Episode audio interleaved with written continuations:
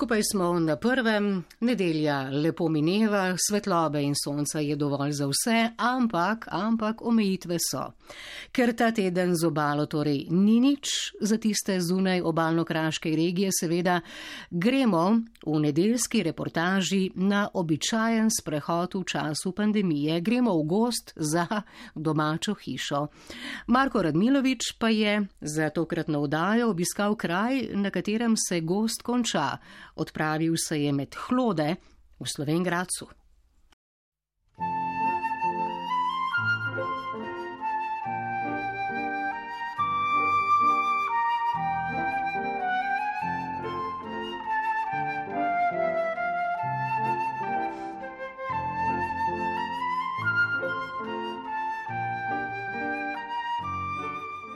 Ta licitacija v Slovengracu to je tombola. Ne? Tu lahko dobro zaslužiš, lahko pa se vdariš. To je vsako leto drugačno, odvisno od kupca. Eni so vedno neki novi, lahko pridejo stari, odvisno. Eno leto bom rekel, jaz sem imel za 4-5 let nazaj najboljši, tretji, tretji hrast najboljši ne? od vseh. Odvisno od kvalitete, pa odvisno od kupcev, pa odvisno kdo kaj išče. To je tombola pravim. Ne? Iščejo, bom rekel, kvalitete, tisto, kar dobro plačujejo iščejo kvaliteto in res tišče gledajo in vse. Ne? In te avtomatsko dajo tudi večjo ceno. Nisem izjema. Kot večina slovencev sem preživel koronske omejitve v naravi, v tisti najbližji naravi, ki ne krši občinskih meja, v gozdu za hišo, v gozdu, ki ga poznamo od otroštva in ki sem ga v odraslosti zanemarjal. Varal s hobi, s potovanji v druge kraje, pogosto tudi v druge gozdove. A domači gost je mojo nezvestobo stoično prenesel, me čakal in med čakanjem rastel. Čakanje in rast sta tudi glavni opravili večine gozdov. Ko sem se v pandemijskih mesecih vrnil, me je domači gost pričakal enak, pa vendar drugačen. Prebodeno srce, ki ga je v buka urezal zaljubljeni graničar, se je nezdravo povečalo. Kjer je bilo nekoč drevo, je kampiral mogočen štor. Gobe so izginile, takšno je leto, so zatrdili lokalni govori, pa kakšne stezice več ne najdem. Potoček pa še vedno teče po sredini gozda in jasa je še vedno tam. Pes, ki me spremlja, je nov čeprav mu je enako ime in je iste pasme, kot je bil pes v otroštvu. Mi smo v društvu lastnikov gozdov Mislinska dolina. Organiziramo kot društvo in kmet je tu, ko pripelje les, tudi sami prodaje, ker društvo je pač neprofitna organizacija. Samo poračunamo tiste stroške, koliko jih imamo s to licitacijo, tako da drugega profita pa od tega nimamo. Spomni se že marsikdo, samo to je dva meseca, ekipa po 15, po 20 ljudi, ko mora biti vsak dan tu. In če bi to ti eh, plačal tako, kot bi to, to bilo treba plačati, pol škoda, da jo, da jo organiziraš. Mi pa že delamo tu dobre volje, pa zato, da tudi svoj les prodamo po neki res pametni ceni. Prostovoljno, prostovoljno. Organiziramo vsako leto pol za tisti denar, koliko še nam ostane, če ostane eno ekskurzijo. To je to. Gost zdravi ljudi in čas z zelenjem in mirnostjo ustavi uro. Gost je, če se posprejaš proti klopom, tudi popolnoma varen. Ko sem umirjen prišel z gozdnih meditacij, sem se brez slabe vesti predal svojemu drugemu najbolj pogostemu pandemijskemu opravilu, ležanju pred televizorjem. Ponavadi se pomikam med dokumentarnimi programi in eden izmed njih prikazuje serijo o pogumnih ameriških gozdarjih in njihovih dogodivščinah, kako krčijo gost in kako je vsa rabota nevarna in koliko dobička so pridelali sečnjo. Predvsem to zadnje. Na tem mestu sem se vzdravil. Nobenih vznesenih čustev, ki prevzemajo nas, prehajalce med polnjenjem baterij v gozdu, nobene od številnih ulog gozda. Dokumentarni filmi o ameriških gozdarjih, bolje rečeno drvarjih, so čista in brutalna ekonomija v najbolj skrajni različici. Ekonomija, s pomočjo katere človek uničuje svoje naravne vire v imenu vsemogočega profita. Karl Marx v krošnjah. ekonomska plat gospodarjenja z gozdom je seveda zelo pomembna in si ne moremo zatiskati oči pred njo. Ob vseh ekoloških funkcijah in ob vseh socialnih funkcijah, ki postajajo v sodobnem svetu vse bolj izpostavljene in bodo tudi v prihodnosti vse bolj pomembne, obstaja tudi proizvodna funkcija, ki je zelo pomembna. Za lastnika gozda je ta celo najbolj pomembna, za marsikaterega lastnika gost pomeni dodatni zaslužek, morda tudi pomembno rezervo, za nekatere je pa to tudi osnovni ver preživetja. Zato so ta znanja z področja ekonomike gozdarstva, z področja optimiziranja donosa gozda in njegovega optimalnega izkoriščanja ob hkratnem upoštevanju uh, vseh drugih funkcij vse bolj pomembna. In pri tem preučevanju ekonomike gozda in donosa gre v resnici predvsem za vrednotenje donosa od lesa. Zato, ker je večino drugih uh, funkcij materialno zelo težko vrednotiti.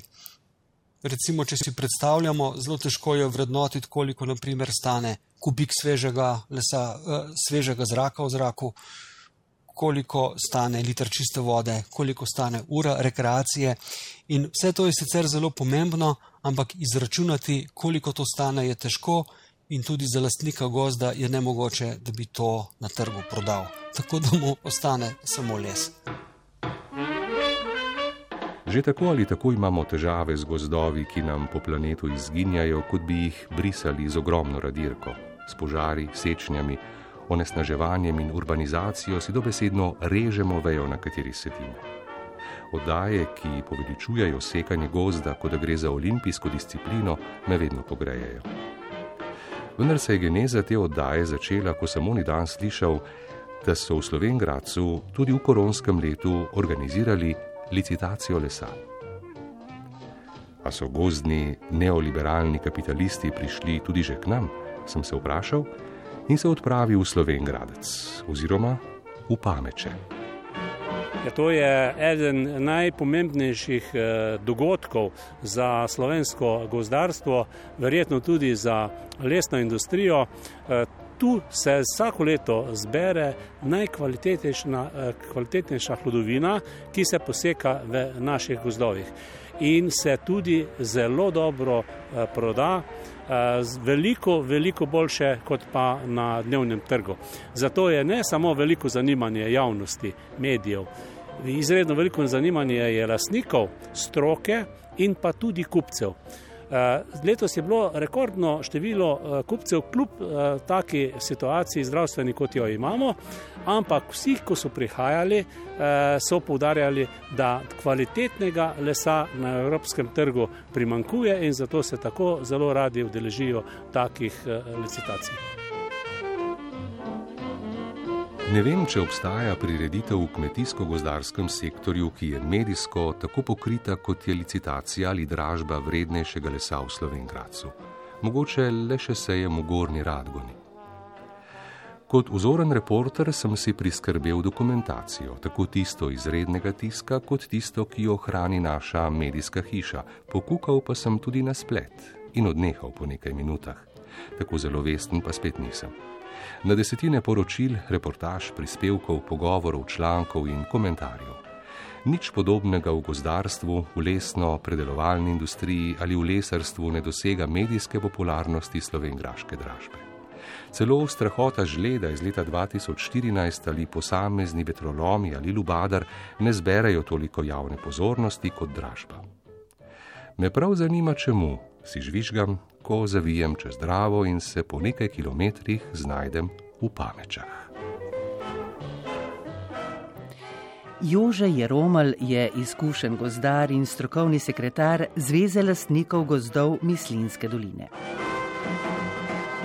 Zelo pomembno je, da je eh, hlod eh, lepo obdelan, se pravi, da je odrezana ščetine, da je lepo prečeljen, da ni umazano eh, čelo z, z nobene strani, kaj ti kupci res prvi, tudi po prvem tisu določajo ceno, predvsem pa oni ceno določajo po kvaliteti.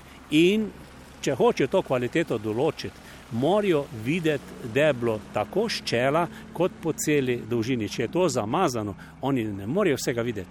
In mačka v žaklju pa ne kupijo. Običajno za tak uh, hlod ponudijo uh, nižjo ceno ali pa se mu sploh izognejo. Ležijo kot mrliči, kar na nek način tudi so. Kot v bitki padli vojaki, ki jih vojaški smisel za red zloži v ravne vrste. Oddaleč ni razločiti razlike v velikostih, sploh ne v drevesni vrsti ali v obsegu, so le črtice, ki povsem prekrivajo polje. Zima je letos velika šalivka in zemljišče je najprej zamrznila, potem pa ga je topli jug spremenil v neprehodno blatno puščavo. Stroji se z vrisko motorjev v najvišjih vrtljajih trudijo odpeljati posamezne hlode iz vrste in jih razporediti v tovor, ki si ga je na dražbi pridobil posamezni kupec. Ampak vzdušje je mirno, spokojno. Skoraj nikogar ni in pozneje mi bodo povedali, da je pred epidemijo bila ob tem času na dražbenem prostoru čisto prava veselica. Janko Šlovnik je eden ustanovnih članov društva in kot kmet, ki se ukvarja predvsem z gozdarstvom, tudi eden prodajalcev kako smo prišli na idejo. Mi smo 2006. leta šli na licitacijo v grad in gor smo videli, kako to poteka. Ko je bil tisti les tam razstavljen, smo tudi naši kmetje videli, opazili svoj les na avstrijski licitaciji, kak je prišel tja. Potem smo se pa čudili tem cenam in ko smo to videli, smo videli, da to bi pa lahko mi pri nas naredili. In smo res polkar drugo leto že organizirali licitacijo, če glih so bili nam vsi te gozdarske veljake zelo nasprotni, ker so vedeli, da pač se boles prodaja po malo višji ceni, kot so ga pa oni odkupovali. In smo prvo leto že navozili 600 kubičnih metrov lesa. E, tako da smo ga tudi že prvo leto kar uspešno prodali, pa se je pa ta količina vsako leto višala. Bilo je pol 900 kubikov, 1500 kubikov, 2500 kubikov, 3000 kubikov. Teda smo v lani prišli na 7000 kubikov. Letos pa, če ne bi bilo korone, pa te moče, kar po novem letu, ko je vlako, je bilo zelo mokro, teda niso mogli niti ne prodajalci lesa ven spravljati, bi bilo ista količina, če še ne večja, kot je bila lani. Ko se približam, zaznam posamezne hlode. Nekoč drevesa se spremenijo v svojo naslednjo razvojno stopnjo, ki je hlod. Dobro jim gre drevesom, katerih metamorfoza je hlod, težje je drevesom, ki postanejo drva. Pražnje napravljeni hlodi so ličinke in kmalo se bodo spremenile v metulja, ki je furnir. Nema lepota veje iz njih in v stravnik diši po nezmotljivosti gosta. Gre za elito, za najboljše, kar premorajo slovenski gozdovi. Robert Sabo prodajalec iz okolice Beltinec. Jaz sem imel za en šleper, lepe robe. No. Vsako leto odvisno, kaj imamo. Kaj jaz samo lepo robo dam, sem, če dam. Da, tista prva klasa. No. Večinoma hrast, eh, jaz sem pa letos sem dal akacijo in akacijo sem zelo presenečen in zelo dobro ceno sem dobil. Ekstra akacijo bom rekel. Takšna akacija je red, bulasta po mojem, za kakšno avto industrijo ali pa za jahte, kaj takšnega, rustika. Tako da vedno manj, lepše robe bom rekel. Se pa pozna korona, ki je pač svoje napravila tudi v gozdarstvu. To pa zato, ker eh, kot fizične osebe, eh, lastniki gozdov tudi niso sekali, niso upali sekati eh, proti lanskemu letu, mislim predlanskemu. Ne? In se tudi nam pozna, ker tudi odkupujem in delamo storitve in se kar pozna. No? Kljub vsej samoumevnosti, ki jo slovenci čutimo do gozda, pa ima slovenski gost ali vsaj njegovo kultiviranje svoj začetek. Zgodovina gozda na slovenskem je zgodovina njegovega izkoriščanja. Čeprav je kartiranje gozda mlada znanost, pa o velikih sečnjah gozda v slovenskih pokrajinah poročajo že v 12. in 13. stoletju. A srednjeveška raba gozda, omejena na kurjavo in pridobivanje gradbenega lesa, ni bila nič v primerjavi s 16. stoletjem, ko se je v naših krajih razvilo železarstvo. V naslednjih nekaj stoletjih topljenje rude, glažutarstvo in ostale zgodnje industrijske panoge povzročijo v gozdovih pravo opustošenje. A tudi konec 18. stoletja, ob modernejših tehnikah topljenja rude, pritisk na gozdove ne pojenja. Paradoksalno se še poveča, ker je to čas, ko je slovenski kmet povsem obobožen in mu kot edini vir prihodka ostaja zgolj in samo gost. Potem imajo pa kupci na razpolago les od 25. januarja pa do 4. februarja. Pol kupci kupujejo, predtem pa kupcam, kupce povabimo na kupnino. E, so tako vsako leto skoraj isti kupci, samo da jih je letos bilo šest več kot lani. Letos jih je bilo 45, lani 39. Tako da je letos kot eh, kupci je bilo jih precej več, pa tudi kupnina je še kar precej višja od lani. Pol se pa začne delati katalog, to je ta katalog z cenami, ko je za ogled. Imeli smo vsako leto dan odprtih urad, eh, okrog 15. do 20. februarja, letos je pa to vse skupaj odpadlo tako da smo pač tako naredili ogled posamično za tri dni. Samo zdaj je tako, da danes bi še mogli vse les biti na prostoru. Ko pa kupec les plača, ga pa hoče imeti, da ga odpelje. Tako da smo tu začeli prej z izvoza, mogli bi še le ponedeljek, smo pa že začeli tako včeraj. Tako da včeraj, pa danes, pa jutr bomo že les tudi ven spravljali. In kako smo od opustošenja prišli do ravni, ko recimo kočevski gozdovi skupaj s snežniškimi in gozdovi Gorskega kotarja tvorijo največji strnjen gost srednje in zahodne Evrope? Današnji zakladi, pa tudi današnji odnos do gozda, vse to se je rodilo sredi 19. stoletja. Takrat sta se na naših tleh še borila tradicionalni kmečki način gozdarjenja, ki je veleval prebiralno, selekcionirano in konzervativno gozdarstvo, in slog v glavnem tujerodnih lastnikov, ki so sekali obsežne goloseke in s pogozdovanjem na to zasmrečili obširna področja slovenskega gozda. Oba načina sta se srečala v osebah grofa Auersperga, ki je bil lastnik obsežnih gozdov na Kočevskem, in njegovega gozdarja, dr. Leopolda Hufnagla.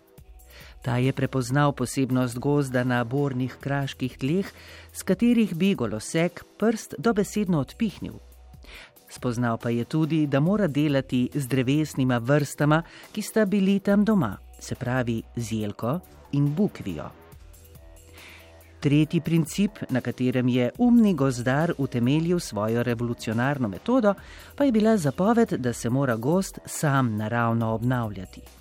Ta unikaten in inovativen sistem prebiralnega gozdarjenja je začel že kmalo posnemati bližnji sosed, ki je gozdaril na notranskem.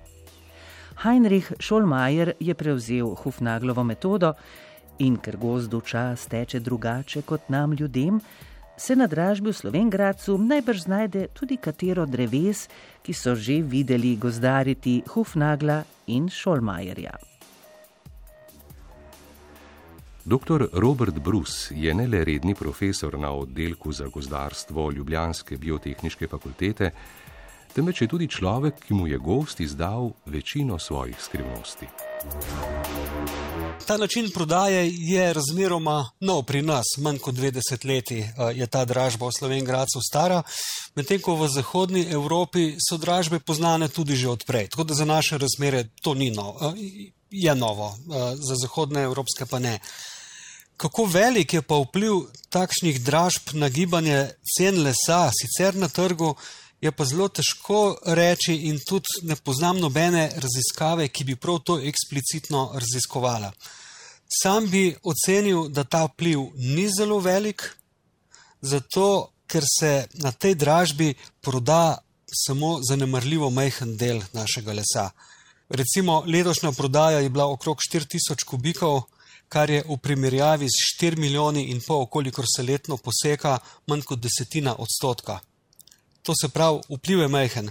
Namen dražbe je pa bolj v tem, da lastnik dobi po eni strani pošteno plačilo za tistih nekaj res visoko vrednih sortimentov, ampak prav tako, če ne še bolj pomemben namen dražbe, je pa promocija kakovostnega dela z gozdom, promocije vzgoje kakovostnega lesa, Da ne govorim še o vzpostavljanju pozitivnega odnosa do lesa kot materijala in tudi do njegovega spoštovanja.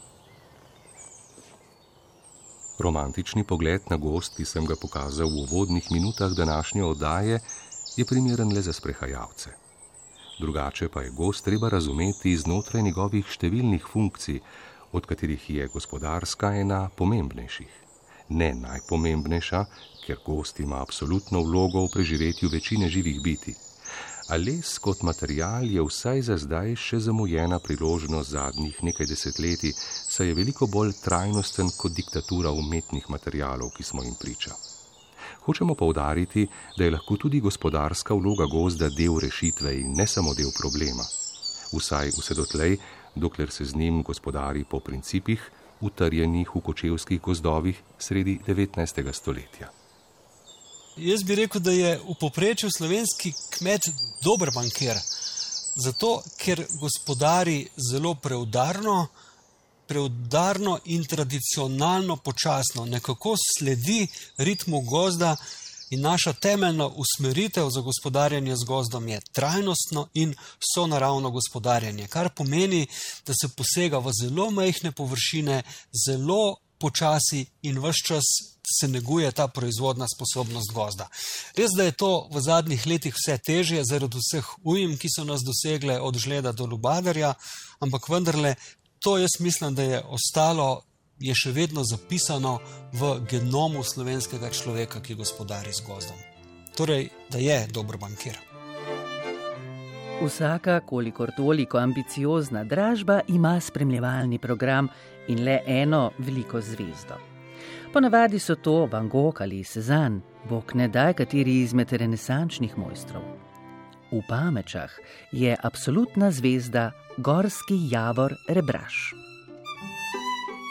Glavna zvezda je ta Javor Rebraš, eh, ki ima te fantastične lastnosti, v bistvu pa gre za genetsko napako eh, v rasti. Eh, gre za to rebrasto rast, ki daje izredno dobre efekte pri furnirju. Eh, in pa eh, predvsem pa eh, pri glasbilih. Pravijo, da takšen zvok, ki se, pridobi, ki se dobi iz violine narejene iz tega javorja, ni, ni primerljiv z, nobenim, z, ne, z nobeno drugo vrsto lesa. Prav iz vseh področji v Sloveniji smo že dobili zmagovalce na naših licitacijah. Je pa res, da jih je pa sorazmerno malo med vsemi tistimi javori, ki rastejo. In pa še en problem je, Eh, težko ga je prepoznati pri stoječem drevesu. Šele takrat, ko se odstrani malo ljubja, ko se lahko eh, potipa les, se ta rebra eh, začutijo in šele takrat veš, da, da je to ta tak hlod.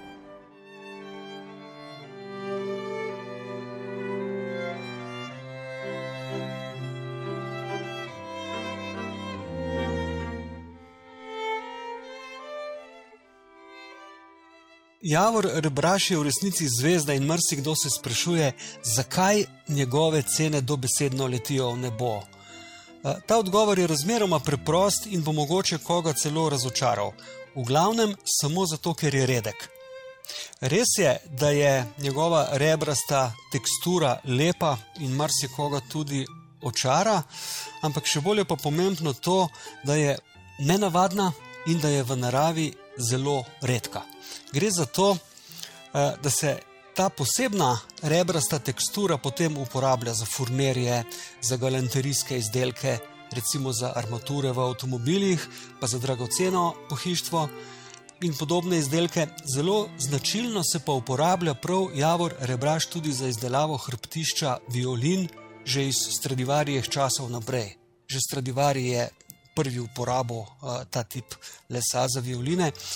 In pričakovali bi, da je to naredil zaradi posebnih akustičnih lastnosti uh, tega lesa. Uh, no, ampak tukaj lahko povem v bistvu iz prve roke, da v raziskavi, ki smo jo izvedli skupaj na oddelku za lesarstvo in na oddelku za gozdarstvo biotehnične fakultete pred kratkim, tega nismo potrdili. Ugotovili smo namreč, da so akustične lastnosti javorja rebraša popolnoma enake kot eh, navadnega lepo raščenega javorja. Na letošnji dražbi se pojavita tudi hloda, ki ne izstopata po ničemer, razen po sumu, da sta bila ukradena. Zdi se povsem nemogoče in neverjetno, da lahko v gozdu neopaženo ropaš smreke. Še sploh, ker je delo tako specifično, da se ga običajni lopovi, ki vlamljajo v trafike, počitniške hiše in avtomobile, izogibajo. Meda se je zaradi zapletenosti sodobnega sveta tudi tolovajstvo specializiralo, a v primerjavi z ropom gozda oziroma krajo dreves se zdi razstreliti bankomat mači kašelj. In če nikakor ne verjamemo, da je mogoče neopaženo ukrasti smreko, kaj šele več njih, pa radi verjamemo, da je slovenski gost priljubljeno krmišče političnih elit. Po krajši debati z nadražbi zbranimi poznavalci dobivaš reporter natančen opis, kako je mogoče v zavetju noči in na odmaknjenih rastiščih ukrasti za ves kamion dreves. O tem, kako pa je mogoče na slovenski gost nacepiti politiko, pa ni treba drugega, kot malo bolj analitično spremljati večerne informativne oddaje. Bomo delali, dokler bomo mi lahko, ampak uh, upamo, da bomo preko slej uh, dobili mlade, uh, profesionalne gozdarje zraven, ki bojo to lahko nadaljevali. Pa tudi nadgradili. Jaz mislim, da tu je še kar veliko možnosti, veliko prostora. Predvsem mislim tu na iskanje in izbor lesa na terenu. Kajti prepričani smo, da večina lasnikov sploh ne ve, kakšne dragocenosti vse jim rastejo v njihovih eh, gozdovih. In eh, največji problem je to prepoznati, eh, pravilno posekati, da se ne pri tem poškoduje, posebno sortimenti, ki so vredni lahko tudi več deset tisoč evrov in jih pripeljati na pravo mesto in za pravo ceno prodati. Pa ni samo ta prodaja tista, zaradi katere mi to organiziramo. Me, meni se bolj pomembno zdi to, da je to ena velika učilnica. In sicer učilnica tako za lasnika, kot za stroko. Velika večina poročil z dražbe vrednejšega lesa se končuje z jamranjem o propadli slovenski lesno-predelovalni industriji. Dejstvo je, da gre velika večina vredne in dragocene hlodovine v tujino. Pri nas nimamo ne kapacitet, očitno tudi ne politične volje. Vprašanje pa, če še toliko lesarskega znanja, da bi ta les oplemenitili v kaj več kot so pa v izdelki. Za goznato državo smo nesprejemljivo ignorantski, tako do poklicev, kot do dediščine, ki nam jo je zapustila naša lesarska kultura. Praviloma tuji trgovci oglašujejo slovensko kakovost v trgovski verigi hrane, podobnih oglasov, ki bi reklamirali uporabo slovenskega lesa, pa preprosto ni. In tudi tega lesa, ko ga mi prodamo na eh, naši recitaciji, to, kar kupijo tujci, zelo velik del, oni zvozijo v našo furnirnico v celju in tam razrežejo v furnir, se pravi nek poizdelek in šele furnir odpeljejo. Tako da se tudi pri nas kar nekaj tega lesa predela, vsej delno. So pa tudi posamezna podjetja, ki pridelajo ta les v finalne izdelke, ampak teh je pa res, ker so kar redka in ne predelajo prav veliko količin. Ja, letošnje leto eh, je ta prireditev eh, zaključna eh, bila pač takšna, kot je lahko bila zaradi te situacije in ukrepov omejitvenih. Malo ljudi si je prišlo pogledati, medtem ko pa lansko leto na 14. licitaciji, ki je bila rekordna tudi po količini, je bilo pa nevrjetno veliko obiska. Preko 3000 ljudi, vseh lasnikov, strokovnjakov, kupcev, domačih, tujih se je tam zvrstilo, gre za neko druženje, spoznavanje in pa tudi izmenjavo mnen pa, eh, pa izkušenj. Tako da je to res, eh, jaz pravim, že leta to največji gozdarski praznik v Sloveniji.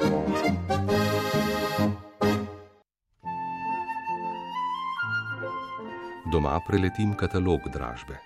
Devet stolpcev, vzorno zapisanih in urejenih. imena drevesnih vrst: smreke, hruške, hrasti, javorji, bukve, celo ciprese, graden, kostan in orh. Na koncu stolpci o dolžini, kubaturi in seveda stolpec s ceno. Sceno po kubiku in na koncu še s cenami po kosu. In seveda zadnji stolpec o številu ponudb za hlod. Ob nekaterih ponudbah se sončijo prav podivjane vsote evrov, in posamezni hlodi so vredni toliko kot manjši avtomobil. Najbrž je to za našo civilizacijo zelo dobro znamenje.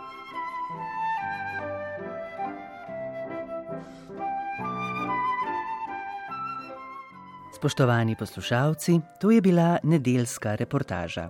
Radiofonsko jo je oblikoval Blaž Komše, brala sva Renato Horvat in Lucija Garam, pripravil pa jo je Marko Radmilovič.